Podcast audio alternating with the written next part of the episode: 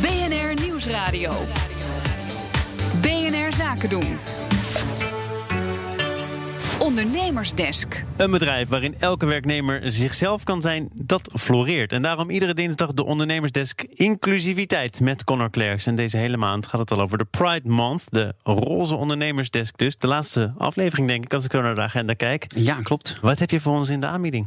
Nou, ik uh, ben op bezoek geweest bij Workplace Pride. Dat is een belangenorganisatie voor LHBTI-inclusie op het werk. En David Pollard, de directeur, die legt uit wat ze nou precies doen en waarom dat zo belangrijk is. Ja, Workplace Pride is een uh, non-profit organisatie. We werken met uh, de bedrijfsleven, maar ook met de openbaar sector over LHBTI-inclusie op de werkvloer.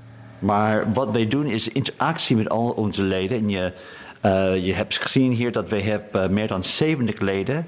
En ze zijn wel de grootste werkgevers van Nederland en ook meestal ook uh, multinational organisaties. Die zijn wel actief wereldwijd.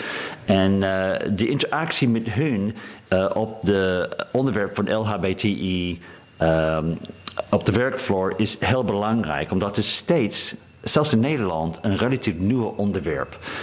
ook met de wetgeving die eigenlijk de beste in de wereld is voor LHBTI-mensen in de samenleving.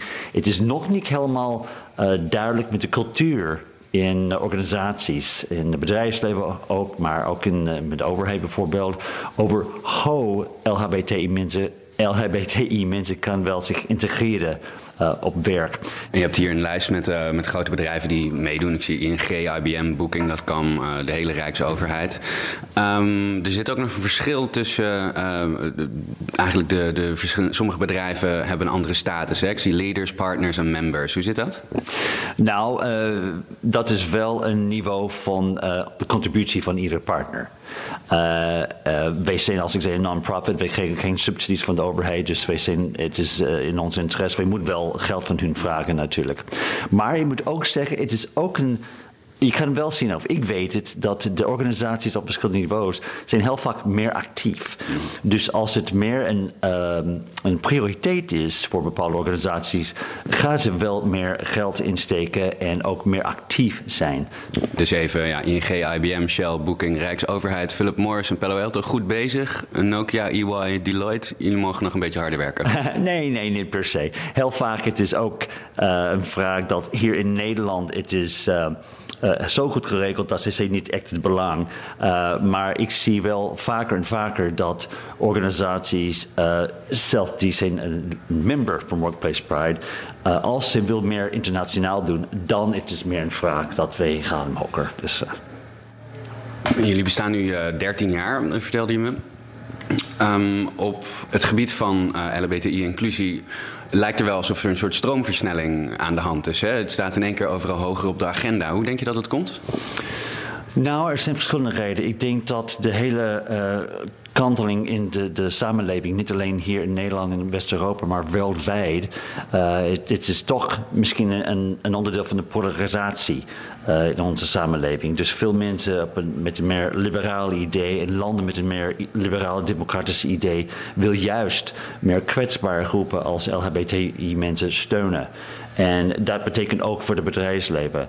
En zij zien ook de gevaar van de andere kant. Dat het nog meer bedreiging is in, bepaalde landen als Kenia, waar homoseksualiteit is, is net alweer door de Supreme Court niet geaccepteerd. Dus het is nog strafbaar, in andere woorden. Um, en ik denk dat bedrijven realiseren ook uh, hun eigen verantwoording meer en meer in verband met de MeToo-beweging, in verband met meer sociaal um, awareness, uh, zie je dat ze, het is ook in hun interesse uh, iets meer te doen. En dat is mijn eigen gevoel. En ik denk ook onze eigen community, dus de LHBTI-mensen die werken bij deze organisaties, wil nog meer doen. En natuurlijk, er is ook een druk van binnen de organisaties ook meer te doen. Dat heb ik van meerdere mensen gehoord zelfs. Dus wees ziet als een heel positief beweging. Uh, maar het is eerst, als ik zeg, nog veel meer werk te doen, altijd. Connor Clerks in gesprek met David Pollard, directeur van Workplace Pride.